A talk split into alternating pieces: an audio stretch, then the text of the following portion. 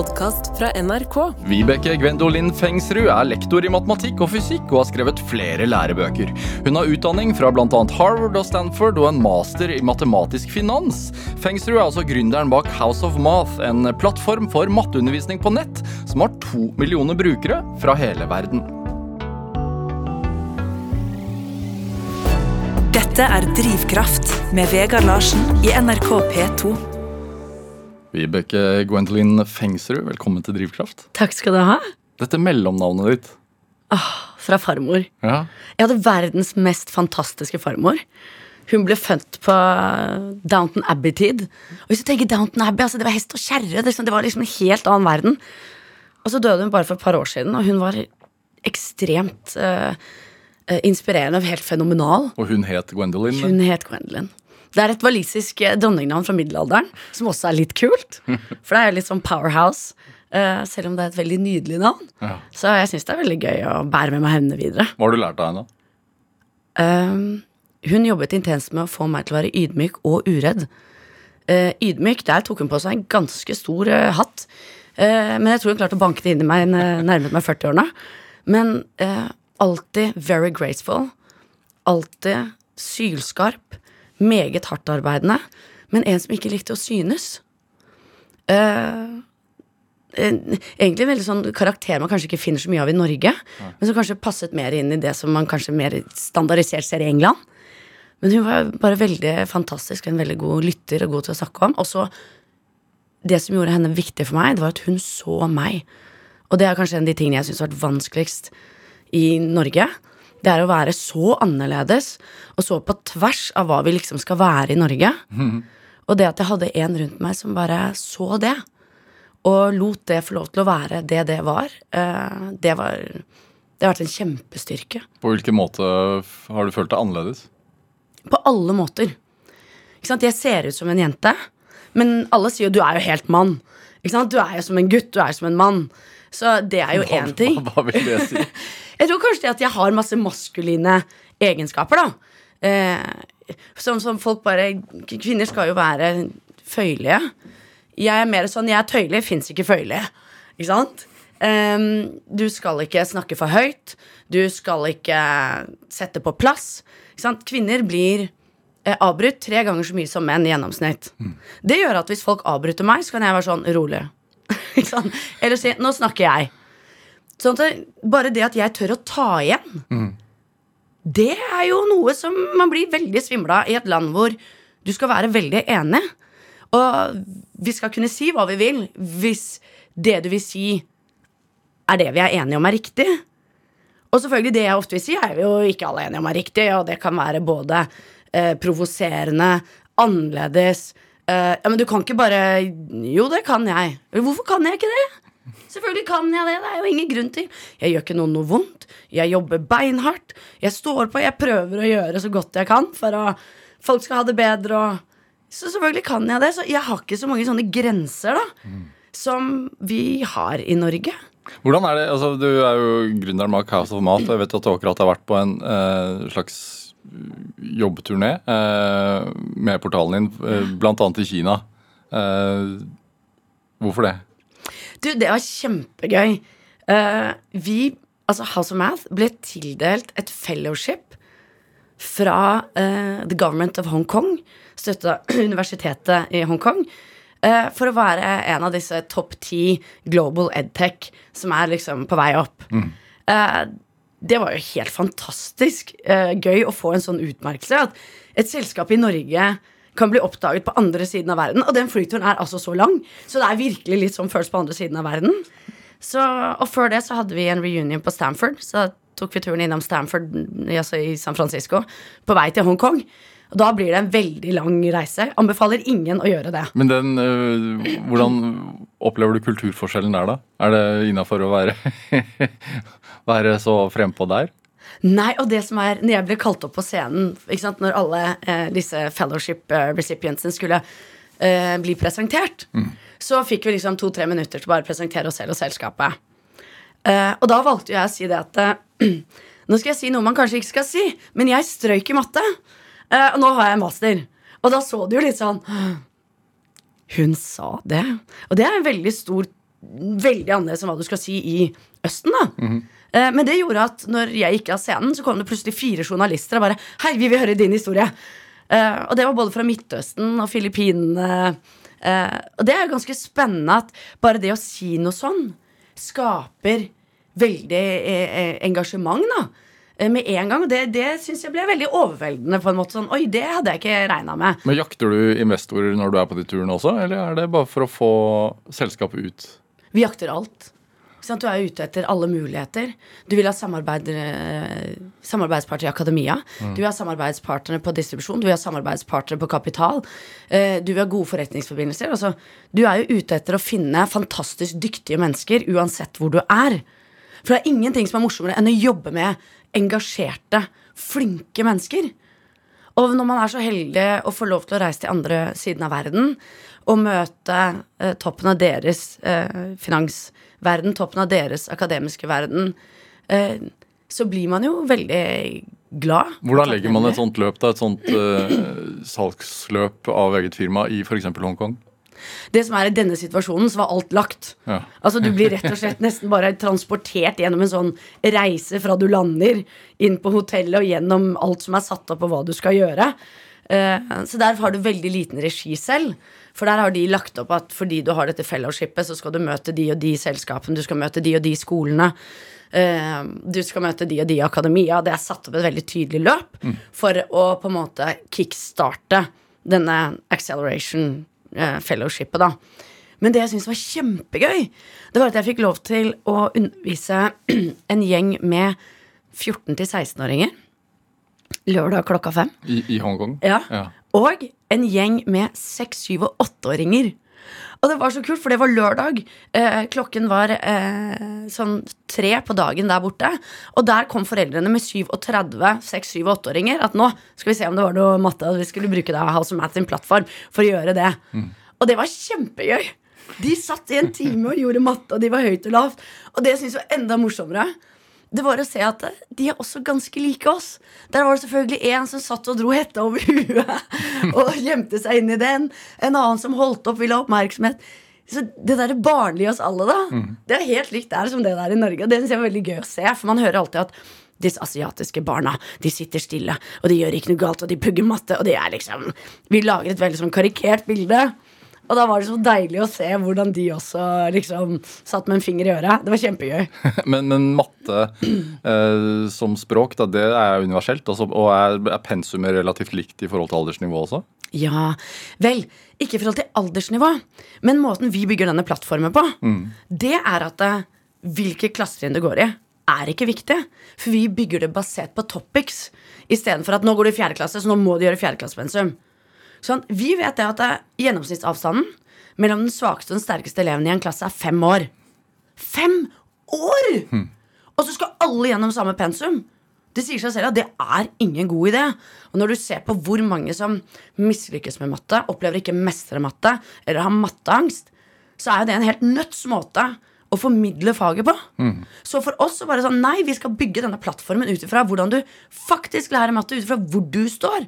Så hvis du går i åttende klasse, da, men på noen områder er du i fjerde klasse, andre er du i niende, noen er du i sjette, så skal du få lov til å lære matte akkurat der du er. Det vil jo også skape mestring. Det vil skape inspirasjon. Men også troen på at oi, dette er ikke så vanskelig som alle skal ha det til. For det er ikke så vanskelig som alle skal ha det til. Hvis du bare får lov til å jobbe der du er. Hvilket nivå var du på da du gikk i første gym, f.eks.? Fjerde klasse omtrent. Sånn som, Jeg var alltid veldig god i gangtabellen. Fordi jeg er jo litt snål, jeg, så jeg liker å pugge ting. Eh, også fordi at det å pugge ting er en veldig enkel måte å få kunnskap på på vei til forståelse. Det er en fantastisk stepping stone. Og så er det sånn at hvis du pugger ting, så du vet kanskje ikke helt hvordan det henger sammen, og hvorfor det er sånn, men du kan i hvert fall noe. Noe er bedre enn ingenting. Så denne også sykelige trangen vi har i norsk skole om at du skal forstå, du må inn i dybden. Nei, alle må ikke forstå. Alle skal ikke bli forskere. Noen ganger så trenger vi bare akkurat den formelen vi trenger for å komme videre. Dette er Drivkraft med Vegard Larsen i NRK P2. Og i dag er uh, mattegründer eh, Vibeke Fengsrud her hos meg i Drivkraft på NRK P2. Det eh, Utgangspunktet ditt eh, her i livet eh, skiller seg jo litt fra mange. Eh, Du ble født med eh, altså hull i hjertet, eller uh, VSD? Ja. Hva er det for noe? Det er et uh, hull i eh, hjerteveggen, rett og slett, som gjør at blodet eh, går feil vei. Eh, og alle skjønner at det er veldig dumt. Eh, og på det tidspunktet eh, I dag så må jeg si at denne operasjonen er nesten dagkirurgi omtrent. Det er kikkhullskirurgi. Eh, vi har kommet mye lenger. Men når jeg ble operert, så var jo dette sånn Hun blir ikke mer enn tolv år. Da kommer hun til å dø av multiorgansvikt. Eh, det skapte jo stor bekymring. Når var dette her? Eh, ved begynnelsen av 80-tallet. Ja. Så jeg ble operert 9.9.1981. Da var jeg to år og ni måneder gammel. Uh, og det som var, at de fant ikke ut at jeg var syk. Og det var jo fordi at jeg har så ekstremt mye energi. Så jeg som dødssykt barn hadde jo mer energi enn de friske barna. Og så kommer du og sier at det er noe gærent med den ungen her. Bare, men den ungen er jo høyt og lavt. Det er ikke noe gærent med den. Hvordan fant de ut det? Eh, mamma sa det veldig bra. Men hun blir lilla. Og der var det ikke de andre ungene. De ble ikke lilla. Eh, og etter hva vi har skjønt, barn skal ikke bli lilla når de driver med aktivitet. Eh, men det tok lang tid. Ja. Så det var først da jeg var ni måneder gammel, at en av eh, legene Vi gikk til, jeg hadde familielege, som han drev med på den tiden. Eh, han var borte, og så var det en vikar som bare, som mamma sa, han bare lyttet på hjertet ditt én gang. Og så sa han, fru Fengsrud, deres barn er alvorlig sykt. Og så sitter man der, og mamma har kjempet veldig for å bli hørt og bli trodd. Også internt i familien. Eh, og så viste det seg å være såpass alvorlig. Og da ble det jo en veldig sånn oppfølging inn og ut av Ullevål. Og hva gjør vi? Vil det gro? Hva, Vil det ikke gro? du var jo to år, du husker jo ikke noe av det, men hva, hva er de første minnene dine av, av sykehus og av den diagnosen? Jeg husker sånne glimt av ting. Eh, og en av det var at det var en som het tante Molle, som var på eh, Ullevål, som passet på alle de syke barna. Eh, og jeg husker at hun hadde skilpadder. Så jeg husker ansiktet hennes, disse skilpaddene. Eh, jeg husker en doktor Langslett som sikkert følte han hadde fått en kid from hell i meg. For jeg var jo litt allerede da eh, veldig bestemt. Eh, og så husker jeg at før jeg skulle inn i narkose, så fikk jeg med en sånn maske. Så at jeg ikke skulle bli redd for den masken der hvor bedøv, eller, eh, narkosen kom. Eh, og den syns jeg luktet helt grufullt. Eh, så det er sånne eh, små blikk som jeg husker. Um, men også var det at mamma og pappa De var jo litt bekymret for at dette ikke skulle gå bra. Så jeg skulle få hva jeg ville når jeg våknet opp fra Du kan få hva du vil når du våkner opp fra denne operasjonen. Hva fikk du? En uh, mørkeblå kordfløyels dukkevogn. Og det Jeg måtte bare love å våkne. Så eh, og Også denne kordfløyels dukkevogn er også sånn minne jeg har noe greier fra. Men, men det, det, det at du fikk høre, eller foreldrene dine da, fikk høre at dette er alvorlig eh, Potensielt så vil hun ikke leve lenger enn til hun er tolv år. Og det var de det tok, det tok jo Altså foreldrene dine trodde det? Eller hvordan var det? Ja, det at de visste ikke. Nei. Det visste man at hvis man ikke gjør noe, eller dette hullet ikke tettes, så er det dette som skjer. Altså, dette kan hun ikke leve med. Eh, men det er også sånn at hva om det gror av seg selv? Det hadde jo vært trivelig. Eh, men det ble også sånn plutselig ikke sant, Man var der eh, på gjentatte besøk hele tiden for å følge med. Og det ble hyppigere og hyppigere. Og så plutselig var det sånn nå må hun opereres. Og da var det liksom nå må hun opereres. Det var nesten sånn dette må skje nå nå. Uh, og da var det man fant ut at uh, skaden på de indre organene blir så stor at dette det går for, på en måte til en grense der hvor det ikke kan gå lenger. Og da, også, da vil du få livsvarige skader. Så da ble det at da ble jeg operert. Og da var det jo inn sånn god gammeldags De skjærer deg opp på midten og klipper om brystbenet og åpner deg. Literally. Tenk deg at noen har holdt hjertet mitt i hånden. Det er så sjukt å tenke på. Noen har holdt det. Og så har de kuttet i det, gått inn inni hjertet og sydd sting. Og dette er jo 40 år siden. Tenk deg hvor fantastisk legevitenskapen er. Det er jo helt sjukt å tenke på. Men, men eh, etter operasjonen, altså i, i barneårene Var det Altså, grudde du deg til å bli tolv år? Nei. Men jeg tenkte når jeg var 12 år jeg lever. Dette er bra. Og jeg tenkte eh, når jeg ble 32 Jeg har 20 års overlevelse. Da inviterte jeg venner ut på middag. Jeg bare, Vi må feire livet. Ja. Og det akkurat den 32, da følte jeg veldig på hvor takknemlig jeg var for ikke å være død. Og jeg tenker ofte på hvor, ofte, hvor glad jeg er for ikke å være død. Sånn, Våkner om morgenen, så bare faen, jeg lever i dag òg. Det er så jæklig kult. Det er så fett. Og jeg tenker på det nesten sånn på daglig basis at jeg våknet i dag òg. Ja. Det er så fint å ikke være død. Altså, Det er så fint å våkne en dag til. Og det, det tenker jeg mye på. Men tror du at uh, altså Var det en frykt, en iboende frykt, eller var det en del av uh, samtalen hjemme? Altså det at, at du var syk? Nei, og det altså Foreldrene mine har vært helt fantastiske på det. Eh, de har bare forholdt seg til legen. Legen sa at nå er hun operert. Nå må du flytte inn og bo på sykehuset i tre uker eller ni uker. eller hva det var Eh, Så mamma pakket kofferten og bare skulle nå bo på sykehuset med dette syke barnet. Eh, Og etter ti dager så hadde jeg laget så mye ugagn på den barneavdelingen for de syke barna. Og vi hadde ikke tatt stingene. Det hadde jo ikke grodd. Men da ble mamma tatt inn til overlegen. Bare, vet du hva, Dere kan ikke være her, for hun er til fare for de syke barna. Mamma bare, men er ikke hun syk? Åpenbart ikke syk nok, så dere må hjem. Og da hadde jeg tatt og sneket meg ut av sengen og hoppet på en trehjulssykkel og krasjet inn i et piano og reist meg opp og løpt videre. Vært helt bajas som treåring. Så, så det var jo mye energi og veldig uredd forhold til livet. Så da tok de med meg hjem.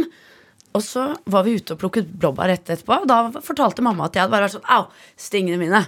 Jeg plukket mer blåbær og vært liksom blid. Og legen sa dere må behandle henne som en hvilken som helst annen unge. Hun er liksom nå ferdig på verkstedet, og hun er i orden. Så nå må dere liksom forholde dere til det. Men ble du det, da? Eller blir man tatt i litt med silkehansker? Nei, og det er det som er greia, er at det, eh, mamma og pappa De har aldri egentlig tatt til meg med silkehansker. Vi stoler på legene, de vet hva de holder på med. Eh, så de har jo bygget et robust menneske ut ifra det. Men rundt så var jo folk sånn Hun kan dø, hun kan dø. Og så blir det sånn Hva om vi lille Vibeke dør, eller Nå er du Så de første, liksom disse veldig formative årene så slapp man jo unna med alt mulig rart, og du blir en ganske ufordragelig unge når du ikke får Som for eksempel. Nei, ikke sant Eh, Når man i utgangspunktet har en personlighet som er uredd, og som ser på voksne mennesker som de har bare levd lenger enn deg Ikke noe naturlig forhold til autoriteter, ikke noe naturlig forhold til at Ja, men jeg vet Ja, så du tror ikke jeg kan vite? Jeg har vært litt sånn, Eneste forskjellen på deg og meg er at jeg har ikke fått tid til å lære ennå. Men jeg har jo tenkt å gjøre det, så dette her kommer til å gå bra. og da blir jo alt litt annerledes. Ja. Du blir f.eks. kjempegod på å erte på deg voksne mennesker. Du blir kjempegod på å bli dårlig likt av andre foreldre. Når jeg gikk i femte klasse, så var det ingen i, av jentene i klassen som fikk lov til å leke med meg. Fordi jeg var så ufordragelig. Um, det var selvfølgelig kjempetrist. Fordi at uh, i femte klasse er du ti år. Du er bare et barn. Eh, et barn som er helt uregjerlig å, å oppdra. Jeg er jo veldig takknemlig for mamma og pappa aldri ga opp. Sånn til den dag i dag. Um, men det er ganske beinhard uh, justis når alle blir enige om at Nei, jeg får ikke lov til å være sammen med deg. Sånn skal vi gå hjem og leke. Nei, jeg får ikke lov til å være sammen med deg. Men visste de medelevene, altså vennene dine, om denne sykdommen også? Tenkte de også Vibeke, ja, hun, hun kan dø før hun er tolv? Jeg tror jeg ikke noe, hadde noe forhold til. Og det tror jeg fordi at jeg har aldri hatt noe forhold til det. Det som syns på meg Jeg kommer aldri til å bli noen maratonløper. Det lever jeg godt med. Eh, Jeg har 108 sting på brystet. Eh, Det lever jeg også veldig godt med. Eh, Og det er sånn at når jeg ser kvinner som har utringning og ikke har arr, så tenker jeg det er noe som mangler. Og så er det jo ikke noe som mangler, det er bare jeg som har noe ekstra.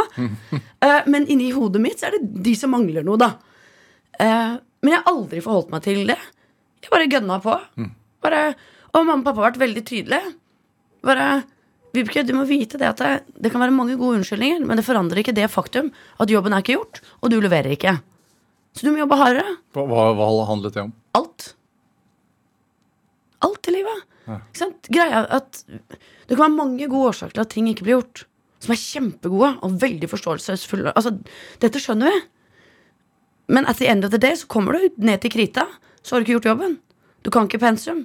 Du har ikke levert. Og at the end of the day så er det dessverre det som er greia. Og det er jeg veldig glad for at de har hatt en sånn holdning. Og så har pappa og mamma vært veldig sånn, og så må du bestemme deg for om unnskyldning du har nå, er tilstrekkelig for at du velger å ikke levere. Hva var unnskyldningen? Det kunne være alt. Ja, men jeg er hjerteoperert. Det tar mye lengre tid for meg å bygge kondis. For jeg spilte jo håndball, og jeg ville jo bli håndballspiller og spille på landslaget i håndball. Eh, som du ser, det har jo ikke skjedd. Eh, men det var jo et mål. Ja. Jeg må jobbe hardere, da. Du må løpe mer. Fordi de har jo et forsprang på deg. Det må du tåle. Ja. Fordi det er litt sånn som en helt insane artikkel som var i VG i går. Arsenals kvinnelag er nå fått kritikk. Fordi det er ikke nok mangfold på laget. Så tenker jeg bare Men da syns jeg de skal kvittere, eh, kvotere inn Vibeke. Jeg vil være på kvota for. Kan ikke spille fotball, er i drita dårlig form. Altså Det er så dumt at jeg holder på å dø, ikke sant? At, og jeg er for kvotering inn i styrer. Så jeg er ikke noe sånn fordi der hvor dette er et godt hjelpemiddel, burde man mener jeg at vi burde ha i en periode. Men når du driver med lite i det, så kan du jo ikke kvotere inn. Du kan ikke si at eh, du har riktig farge. Du er helt feil spiller for laget. Vi burde egentlig hatt Rebekka. Men du har riktig farge eller riktig religion, så du får lov til å spille spiss på Arsenal. Det, altså, det er, altså, da holdt jeg nesten på å ramle av. Og på spørsmål som vi snakket om Ja, hva sier du annerledes? Tenk at jeg sier dette her høyt på drivkraft. Bare det kommer til å få noen folk til å bare vrenge seg. ikke sant? Bare, hva? Og det lever jeg godt med. Ja. Er det, tror du det, Den ureddheten, tror du det er et produkt av eh, starten på livet? Jeg veit ikke, men jeg tror sikkert det har noe med saken å gjøre. Fordi når du har et bevisst forhold til døden Du vet at du skal dø. Det er ikke snakk om om, det er når. Og det kan skje når som helst. Og man har blitt Som egentlig for alle. Ja, ja! Bare, den kom veldig fort da i mitt liv. De fleste tenker jo ikke på det før de kommer inn i midtlivskrisa. Ikke sant? For hva har jeg gjort med livet mitt? Um, så kanskje man blir bevisst. Og så har jeg lyst til å gjøre alt jeg kan mens jeg er her. Jeg har lyst til at livet mitt skal ha betydd noe. At jeg har vært netto positiv på jorda. Jeg, ha, jeg, jeg har lyst til Jeg har lyst til å være netto positiv. Jeg vil at summen av meg skal ha bidratt på jorda på en god måte. Og det, det er viktig for meg. Og så er det sånn Å, har ikke du litt grandiose tanker om deg selv? Nei, jeg er bare ikke en dust. altså, det er mer sånn Nei. Jeg bare Det er så tøft å leve. Det er så vanskelig. Og vi er programmert gjennom vårt DNA til å gjøre feil og være uperfekte. Og jo fortere man bare innser det og tenker 'jeg kommer til å feile masse', så fuck it. Da må vi bare lære av det og prøve å gjøre bedre neste gang. Men faktisk være åpen for at jeg er jo programmert til å feile. Men hvordan var eh, pandemien for deg, da? For da, da var jo samfunnet en risikoområde for alle i starten, men spesielt for deg. Ja, så der eh, Det syns jeg var litt skummelt. Fordi de sa jo veldig tydelig at for folk med hjerte og lunge Beware, beware, stay away. Og jeg er jo veldig sånn til å kalkulere risiko. Også risiko jeg ikke kan kalkulere, men jeg prøver på en eller annen finurlig måte å skjønne noe av det. Og så tenkte jeg her er det stor asymmetrisk risiko. Hvis det er sånn at med dette viruset så er folk med hjerte- og karsykdommer De kommer til å bli drita sjuke eller dø eller få livsvarige men. Og så er spørsmålet hvor viktig er det å gå ut da? Ja, men jeg trenger å få lov til å gå ut. Trenger jo ikke det. Jeg trenger å ikke daue. Jeg trenger å ikke få langvarige men. Det er det jeg trenger. Så da bestemte jeg at da sitter jeg inne til vi finner ut av hva dette er. I og med at vi ikke vet hva det er. Det er ikke så viktig for meg om dette bare er som en influensa, noe vi vet nå at det ikke er. Um, eller om dette er noe dødsalvorlig. Det er bare, det er ikke viktig for meg. Dere kan diskutere til å bli gule og blå. Det som er viktig for meg, det er at jeg vil ikke dø, og jeg vil ikke ha langvarig men. Hva må jeg gjøre da? Da må jeg holde meg unna. Men du, på dette tidspunktet så var jo du lektor i, Ja. i matematikk, Ja. eh, men måtte være hjemme da mye. Var, var, det, var det sånn eh, denne portalen ble unnfanget? Ja, på en måte. Det som er, Jeg drev med privatundervisning, det har jeg gjort hele tiden. Ja. Og det som er greia, var at eh, når du stenger ned skolen, så, er ikke folk så gira på privatundervisning og samtidig sier at du kan miste jobben. Vi vet ikke hvor mange som mister jobben. Det kommer til å være mannefall i arbeidsstokken. Så bruker ikke folk sykt mye penger på privatundervisning. Så én ting var at det var en personlig krise for meg. At hva skjer nå? Men det ble også en krise for selskapet. For det gjør jo noe med inntektsgrunnlaget. Så Jeg bestemte her og da at jeg skal sitte inne til vi finner ut av hva dette er, eller til jeg får vaksine. Så jeg satt inne i leiligheten min i 14 måneder. Møtte ikke et annet menneske. Jeg feiret bursdagen min og nyttårsaften og jul på Teams med familie og venner. Um, og pappa, som da var 67, han var den som måtte komme og levere mat og gjøre ting. Sette ting utenfor døra. Jeg husker veldig godt at den klemmen jeg fikk etter 14 måneder, når pappa kunne komme inn og ga meg en klem, det er den deiligste klemmen jeg har fått i mitt liv, liksom. Det er rart å ikke ta på et annet menneske eller omgås andre mennesker så lenge. Men for meg så var det riktig, for vite, fordi vi ikke visste hva det var. Og med, som du spurte om, selskapet Vel, vi måtte jo vurdere om vi skulle permittere, eller om vi skulle finne andre løsninger. Så måtte vi flytte alle lærerne over i frilanskontrakter.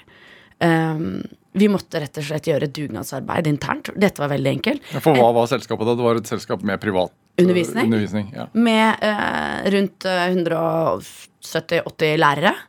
Eh, jeg var veld, veldig opptatt av sånne arbeidsrettigheter, så jeg ville ha de ansatte i selskapet og gjøre disse tingene.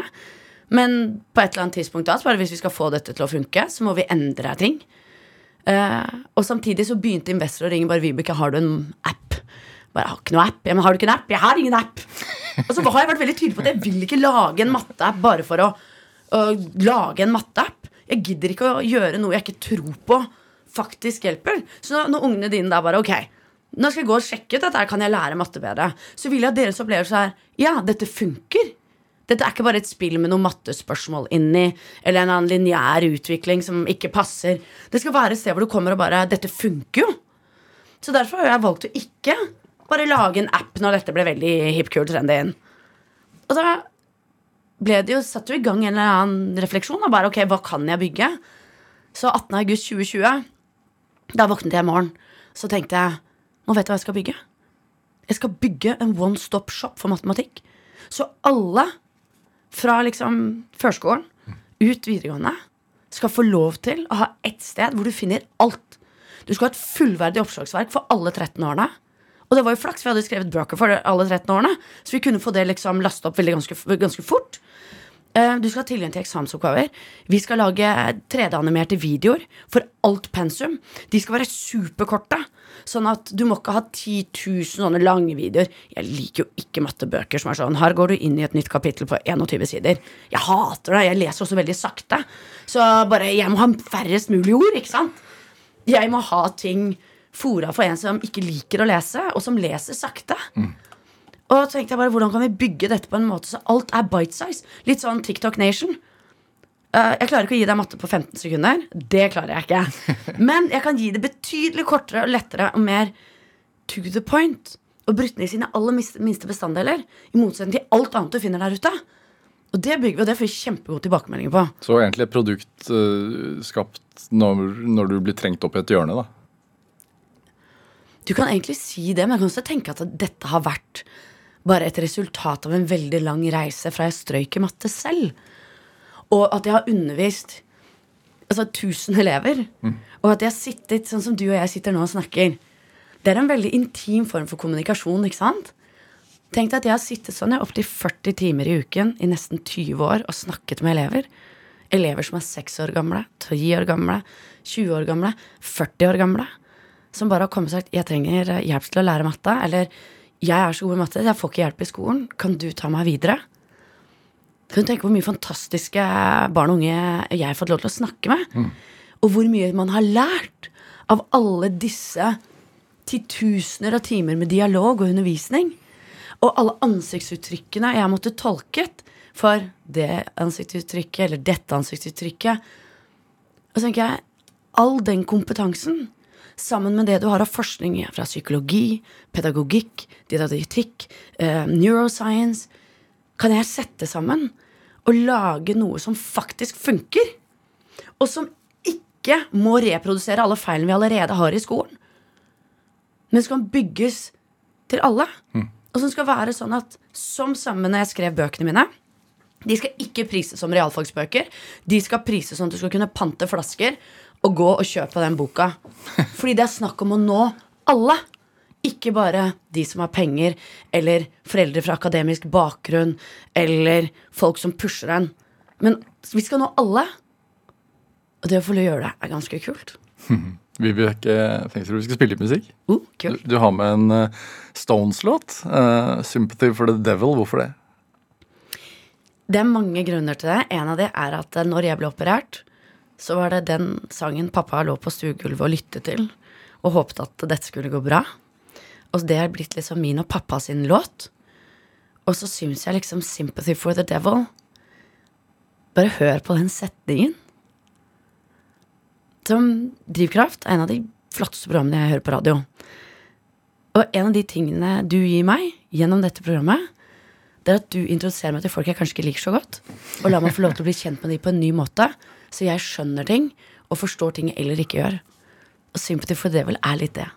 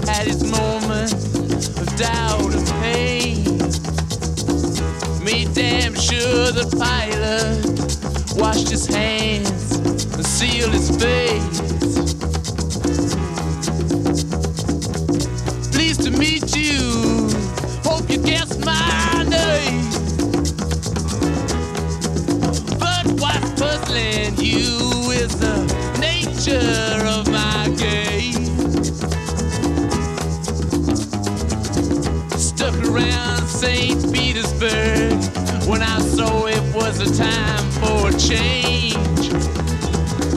Killed the Tsar and his ministers. Anastasia screamed in vain. I rode a tank, held a generous rank when the blitzkrieg raged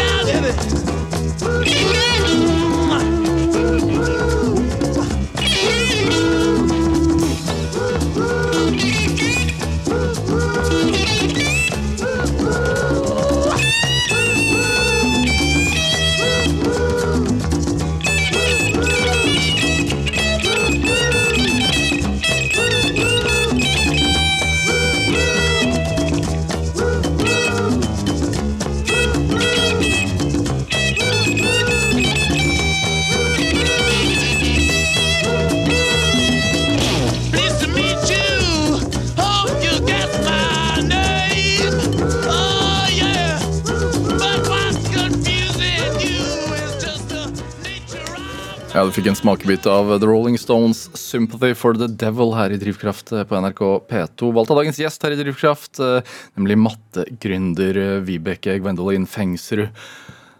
Du vokste opp på Ammerud Ja, Um, på 80-tallet. Hvordan var det? jeg elsker Ammerud. jeg. Uh, Bo på, altså, bo på Frogner i dag. ja, Men det er fordi at jeg er singel dame i 40-åra. Jeg kan ikke bo på Ammerud. Da tenker jeg at jeg bo på Ammerud. Det er lettere å bo på Frogner da. Kortere vei til alt som skjer. ja, vet du hva. Jeg hadde eh, en fantastisk barndom på Ammerud. Vokste opp i Skogsholtet. Eh, hang i teljer og bygde eh, trær, hytter i trærne. Eh, gikk på Ammerudklubben. Spilte håndball for Ammerud og basket. Jeg spilte fotball for Grei. Um, det var jo Groruddalen er så utskjelt på så mange måter, og det er utrolig trist. Tenk deg det. Når jeg skulle gå på langrennsski, så tok jeg på skia på trammen hjemme. Og så bare gikk jeg rundt huset. Ett og et halvt minutt så var jeg midt i lysløypa. Altså, Hvor kult er ikke det? Og rett bak huset vårt så var det en skrent som var ganske lang. Der tok jo foreldrene og bygde slalåmbakke som vi trakka opp hver vinter. Så jeg hadde slalåmbakke literally i haven. Sånn, Jeg satt i stua, og 171 meter derfra var slalåmbakken. Kanskje 172. Altså Fantastisk. Vi fikk også vokse opp med ganske stort mangfold.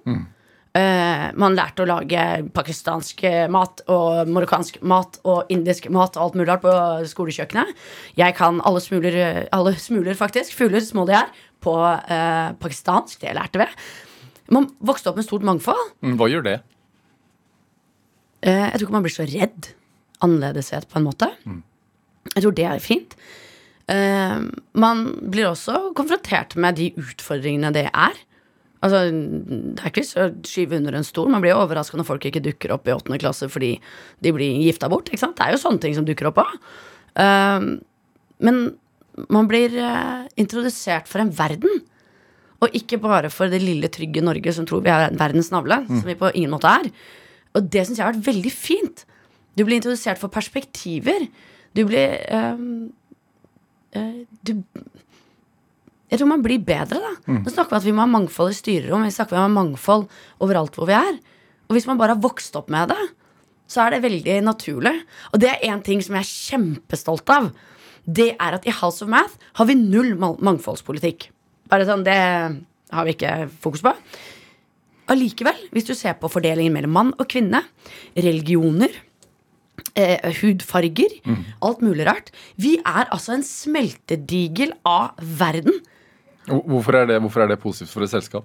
Vel, vi er jo globale. Så hvis vi skal sitte i Norge og tro at vi skjønner alt om hvordan verden, kultur, religion påvirker hvordan de eh, ser sin verden, så virker det ganske så naivt. Så for oss å ha folk fra hele verden Vi har folk fra Pakistan, fra India, fra Brasil, fra New Zealand, eh, fra England, fra Irland eh, Vi svensker.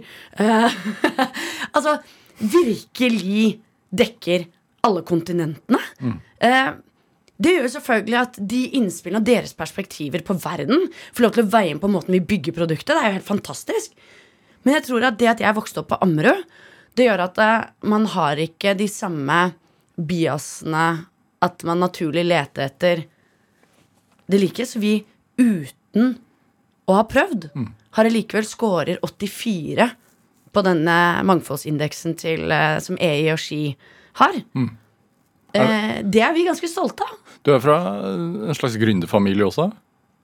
Ja, mamma var jo det. Men på den tiden kalte man jo ikke gründer. Men hun eh, startet jo blomsterbutikker og sto opp fem om morgenen og var på blomsterhallen for å plukke ut blomster, og, som hun solgte i butikken sin. Og, eh, altså, moderen, hun er veldig kul. Eh, og alltid positiv, uansett hvor trått det er. Og en gang dette er så festlig. eh, så hadde hun med seg meg og søsteren min og en venninne av søsteren min. Hun kjørte boble fra 70-tallet, og det var midt på vinteren. Det var rett før jul. Vi skulle handle ved og juletre og masse julemat og tre unger. Og når du tenker, ja, men hvis du har en boble, tre unger, juletre, vedstabler og mat, hvordan skal du stappe dette inn i en boble? Og her vet du moderen, hun bare Det er jo ikke noe problem. Ok? Så da satt hun meg. Du vet, bak i bobla, bak baksetet var det så lite hull. Ja. Der satt hun meg. Dette var i gamle dager. Dette var i gamle dager. Dette var før sikkerhetsbelte og hjelm. Det må vi være enige om. Og så satt hun, søsteren min, i forsetet, og venninnen bak. Så åpnet vi vinduene. Så fylte hun opp bilen med ved og mat i randen. Og så holdt de juletreet på utsida av bilen mens vi kjørte hjem. Og så tenker jeg bare Det er å være løsningsorientert. Er det? Eh, det- Det at du eh, ganske tidlig sleit eh, på skolen, Ja. i hvert fall i matematikk Jeg vet ikke hvordan det var med de andre fagene, men, men hva var grunnen? Um, en, jeg var i en rabagass. Altså, Var? første, eller er en rabagass, tror jeg vi kanskje kan si. Første to ukene på skolen hadde jeg ti meldinger med hjem. Eh, I meldingsboka. Hvor det var 'Vibeke sitter ikke stille', 'Vibeke klarer ikke å være stille', 'Vibeke rekker ikke opp hånda', 'Vibeke går rundt', 'Vibeke er et problem'. Hva skyldes dette, tror du? Aner ikke. Født sånn, blitt sånn, vært sånn. Aner ikke. Jeg er bare veldig nysgjerrig på alt som foregår. Eh, og var jo barn. Som barn så har du ikke lært å kontrollere disse tingene. Eller eh, klare å kjøre kraften din inn i et produktivt mønster. Sånn spriker i alle. Du er i formative år, ikke sant? Og det gjorde jo at vi fant jo på så mye spik. Venninnen min hadde trådløs telefon. Du vet sånn som disse store betongene man hadde. Men hun bodde såpass nære skolen. Så jeg tok med meg røret, da. På altså, taledelen. La den på innsida. Og når du er literally 1,20 høy og 30 kilo med en sånn stor kloss på innsida av jakka for å skjule den, selvfølgelig, syns jo. Så satt hun ved basestasjonen og trykket på. Så ringte hun meg i timen. Vi fant på så mye tull. Og jeg tror det at eh, skolen på den tiden hadde ikke noe forståelse for sånne unger som meg. Nei. Men matematikk er jo et av fagene som mange øh, faller fra, Ja, og som mange sliter med. ja. Hva er grunnen til det, da? Eh, jeg tror en måte Det er forventet at du hele tiden skal hoppe videre. Jeg er jo veldig lei meg for at vi ikke har spesialskoler lenger. Det tror jeg er den største bjørntjeneste vi har gjort til norske folk.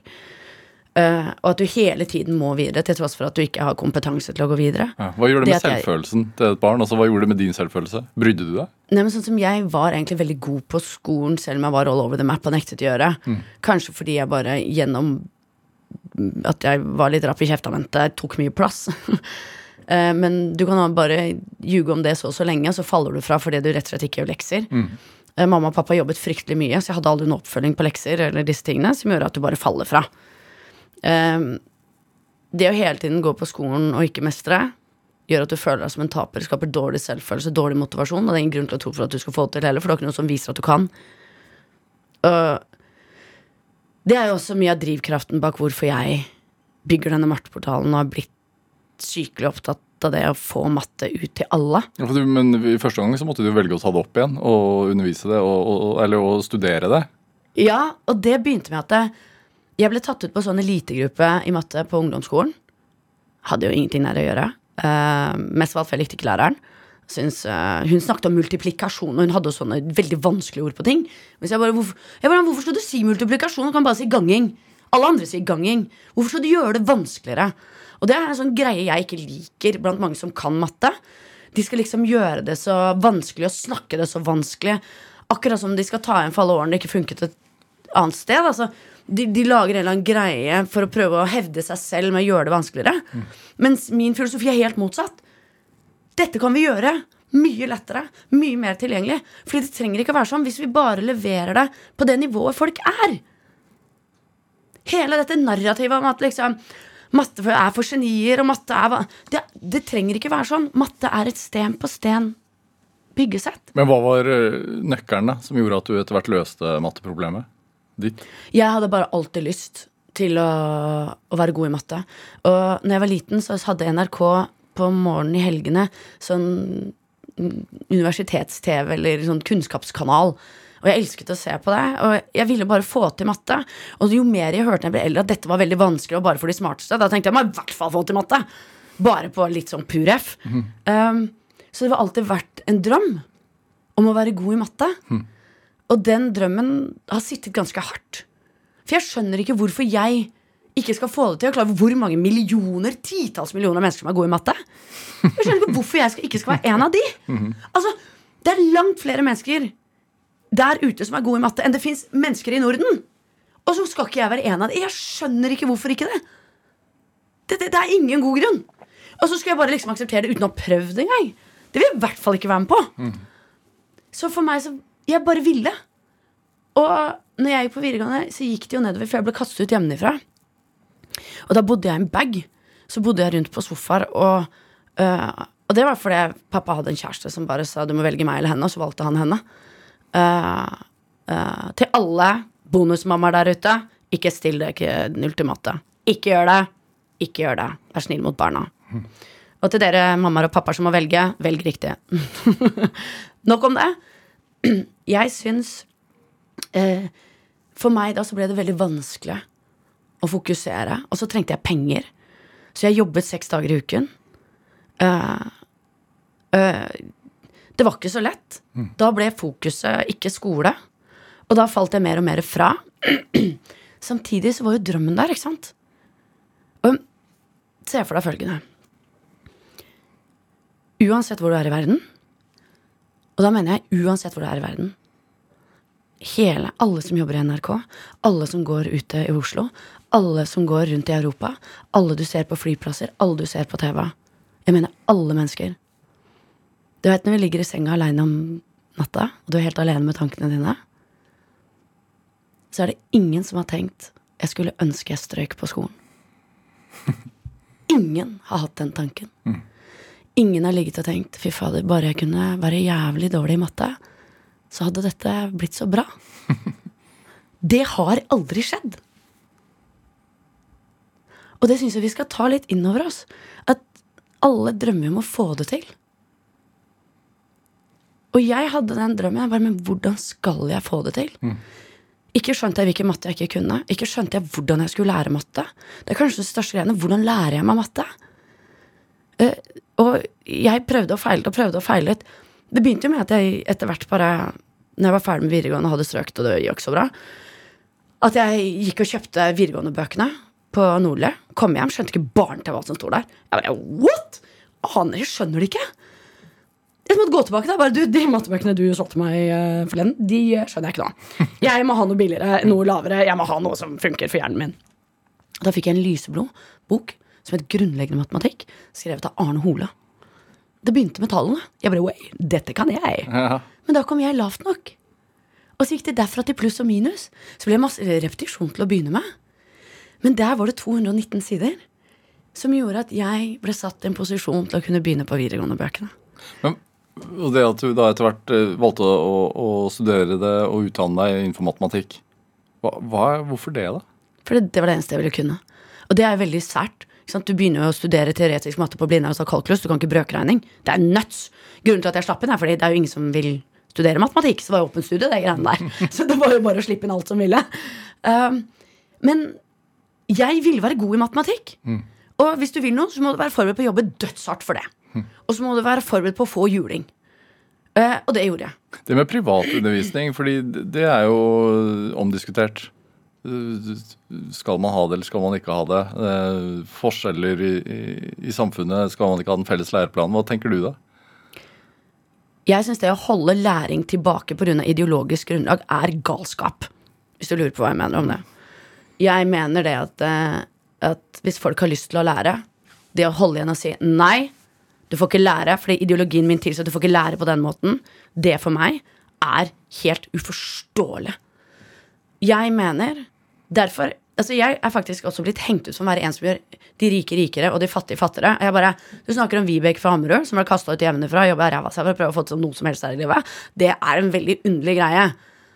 Og jeg vil at alle som vil, skal få mulighet. Hvorfor har du fått høre det? Sikkert fordi jeg driver med privatundervisning. Og da blir jeg sånn velferdsprofitør, som det grusomste mennesket man kan være. Så tenker jeg sånn, du klarer ikke å få meg til å få dårlig samvittighet for at jeg løfter folk videre. Men på den annen side, da, for å bare shut the trap på alle de som skal gjøre det å hjelpe folk til noe stygt. De startet Vi tar ansvar. Der får næringslivet til å sponse leksehjelp ut i skoler, så vi kan sende brøkene jeg har skrevet, gratis opp til skolebiblioteket. De blir stjålet, faktisk. Så vi må sende nye opp til skolebiblioteket. Jeg elsker at folk stjeler mattebøker. Jeg bare elsker det. Det er helt fantastisk. Um, og så sender vi lærere, og så sier vi til lærerne vi gjør som skolen vil. Hva trenger dere? Vi er deres på en måte deres ekstrahjelper. Skal vi gjøre ditt? Skal vi gjøre datt? Skal vi gå inn i tiende? I niende? Skal vi undervise? Skal vi ha, jobbe med leksehjelp? Hva gjør vi? Skal vi komme i skoletida? Skal vi komme etter? Vi er deres ressurs. Alle sponsorene vet de får ikke lov til å reklamere. De får ikke noe igjen. Bortsett fra at de kan bruke det i sine sosiale medier. Men de får ikke snakke om skolen de er i. De får ikke lov til, de får bare snakke om Veteransvarprosjektet på generelt grunnlag. Det er det prosjektet i norsk skole som har absolutt best resultater. Vi har løftet snittkarakterer vi på noen skoler så mye som 1,6. Det er helt sinnssykt. Og da er det sånn, ok, da har vi tatt disse privatundervisningsressursene og brukt til felles gode for alle, sponset av næringslivet. Helt strålende. Men er, hvor mye idealist er du? Jeg er superidealist og superkapitalist. Det er en helt snodig kombinasjon som vi i Norge for øvrig ikke tror finnes. Men det gjør det. Og det tror jeg har litt med Se til litteraturen. Se til Hollywood. Hvilke kvinner finner vi der? Enten så er du karrierekvinne. Da har du et ganske trist hjem. Du eh, bestiller alltid kinesisk takeaway fra en lokal kinesisk sjappe. Du er emosjonelt eh, avkortet og avstumpet. Du har ingen venner, og du snakker knapt med moren din. Eller så er du en sånn mommy burger. Du er bare hjemme. En, en hva? En mommy burger. Ja. Eh, Det er sånn som lager hjemmelaget mat hele tiden. De er hjemme, kanskje ikke jobber eller jobber redusert. De er bare opptatt av familien og følge opp. De er bare snille og omtenksomme kjærlige. Og det er de to menneskene som finnes. Og jeg tror at hvis du spør disse to gruppene, så er det mange av disse karrierefolkene som bare Jeg elsker barna mine, og jeg står på, og jeg lager, og de får posekaker, og de har det kjempebra likevel. Og de som er mer i denne snille mamma, de også jobber og står på hardt på jobb. Ikke sant? Greia er det at vi lager sånne kjønnsidealer som gjør at kvinner som meg fins ikke noe sted. Du kan være supercaring, ha masse følelser, bry deg, sette i gang. Eneste grunn til at jeg har skrevet bøker, var for at alle som ikke har råd til privatundervisning, skulle få tilgang til måten jeg underviser matte på, fordi jeg tror den er best. Det måten har ingenting med penger å gjøre. Og fordi at jeg er også drittlei av å bli kalt velferdsprofitør, for det er bare tullball. Og derfor starter vi Tar ansvar. Derfor bygger vi denne portalen, som jeg kan prise mye høyere og si at nei, det skal bare være for eh, luksus, et luksusgode. Nei! Vi må ut og nå alle. Og spesielt i den verden vi nå er i. Hvor AI kommer, det å forstå fake news Matematikk er den absolutt viktigste toolboxen for å klare å vise Gir dette mening eller ikke. Jeg ser også på portalen deres at man kan velge mellom språk, og så er den på norsk, og man kan velge engelsk og ukrainsk. Ja, selvfølgelig! Det hadde jeg glemt. Fordi når vi måtte si at det var krig i Europa, det gjorde veldig inntrykk på meg. Krig i Europa. Det er altså en så sinnssyk setning i 2022, 23 20, altså, Det er helt galskap. Så vi bestemte oss for at vet du hva, vi gjør et samarbeid med BAR og med Corporate Communications. Og vi har fått med Hydro eh, og Accenture og Formue eh, og Montessori. Så sa vi vet du hva vi gjør nå? Nå bare oversetter vi denne portalen til ukrainsk. Og så gjør vi den tilgjengelig for alltid gratis til ukrainske barn, uansett hvor de er på flukt. Over 3500 skoler i Ukraina er bomba. 50 av ukrainske barn har ikke tilgang til skole. De er, de er en realfagsnasjon. De er kjempegode i realfag. Så vi tenkte, vet du hva, vi gjør dette her. Og så er disse bedriftene med på å spre Gir oss penger til å spre dette, så ukrainske barn skal kunne lære. Kommer aldri til å tjene penger på det. Det er et rent tapsprosjekt, men det er selvfølgelig bare for å hjelpe de ungene som er i en grufull situasjon. Sånn at de ikke skal tape masse år av livet sitt på utvikling. Så det var Takk for at du nevnte det. Nå ble jeg litt glad. Takk. Jo, for det er jo viktig. Hvordan er det å være gründer i Norge i dag, egentlig? Det er ikke spesielt trivelig. Og gud, skal vi Jeg skal ikke gå inn på Det politikk. til. Men det er beintungt med eh, den næringslivsforståelsen regjeringen har. Du er medlem av Høyre. Det, Jeg er medlem av. Høyre, Ja. det så det er sagt. Men det, det er vanskelig når du setter opp eh, arbeidsgiveravgiften på den viktigste kompetansen du trenger, til selskap som veldig mange ikke tjener penger. De lever av penger du henter i markedet ved å selge eierandeler. Eh, De legger en hel del begrensninger på at hvis du skal bygge store globale selskaper, så kan du ikke være her lenger. Hva er givende med å være gründer, da? Jeg får lov til å spre matte til over to millioner mennesker, og det er bare starten. Hallo. Altså, hallo. Altså, det å få lov til å være med og move the needle on a global scale som, med et produkt som faktisk betyr noe. Vi kommer til å ha 40 000 for få realister i Norge innen 2030. Vi kommer til å ha over, altså, over 1 million for få realister i verden innen 2030. Det kommer til å koste oss en trillion dollar i året at disse ressursene ikke er der. Man er med å løse et kjempestort samfunnsproblem. Men ikke minst, vi har en nedgang i demokratier. Ti år siden var det 56, nå er det 49. Det å sitte med realfagskompetanse. Skal vi løse klimakrisen? Skal vi forstå hva som foregår? Så har realfagskompetanse alltid med den digitaliseringen, teknologiske AI som kommer. Matematikk var før for ingeniører, mattelærere og bollebakere. Nå er matte for alle, og de som ikke kan det, vil falle av.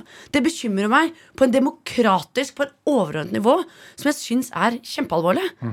Så det å være gründer og få lov til å være med og gjøre noe faktisk, for å bidra til å styrke samfunn, styrke men menneskers liv på individnivå Altså, Det er jo en helt vanvittig ære. Er det det som er drivkraften også? Ja, det tror jeg. Du vet, når vi snakket om livet mitt Nå begynner jeg å være netto positiv når jeg går i grava. Det hjelper i hvert fall til det, da. Vibeke Fengsrud, tusen takk for at du kom til Drivkraft. Lykke til, da. Tusen takk. Hva er Takk tipset til alle som våkner opp en dag med en sånn drøm? Bare gå ut og gjør det. Du kommer til å ha masse, masse feil. Og det gjør ikke noe, for bare prøv igjen. Husk, vinnere. Det å være vinner er et valg. Vibeke Fengsrud, takk for at du kom hit til Drivkraft. Takk skal du ha. Hør flere samtaler i Drivkraft på nrk.no eller i appen eh, NRK Radio. Send oss ris eh, eller ros, og også tips til mennesker som du mener har drivkraft. Send en e-posten til drivkraft.krøllalfa.nrk.no. Vi hører veldig gjerne fra deg. Produsent og researcher i dag, det var Ådne Feiring. Dette var Drivkraft. Jeg heter Vegard Larsen. Vi høres. Du har hørt en podkast fra NRK. Hør alle episodene kun i appen NRK Radio. En podkast fra NRK. Hei og hjertelig velkommen til Skiklubben. Ikke klag over at det er kaldt og mørkt, men heller utnytte mulighetene som vinteren gir oss. Det skal handle om lidenskapen til langrenn og trening. Det er kjempedeilig å komme seg ut i naturen på ski. Det er en herlig måte å forflytte seg på. Anders Haukland, Silje Nordnes og jeg, Emil Gukild, vil sammen med dere pushe fremover mot nye mål. Ja, og Det som er så gøy med langrenn, det er en veldig sånn sammensatt idrett. da. Vi er glad i langrenn. Konkurranse eller kos, vi vil at du skal bli enda gladere i å gå på ski. Hør Skiklubben i appen NRK Radio.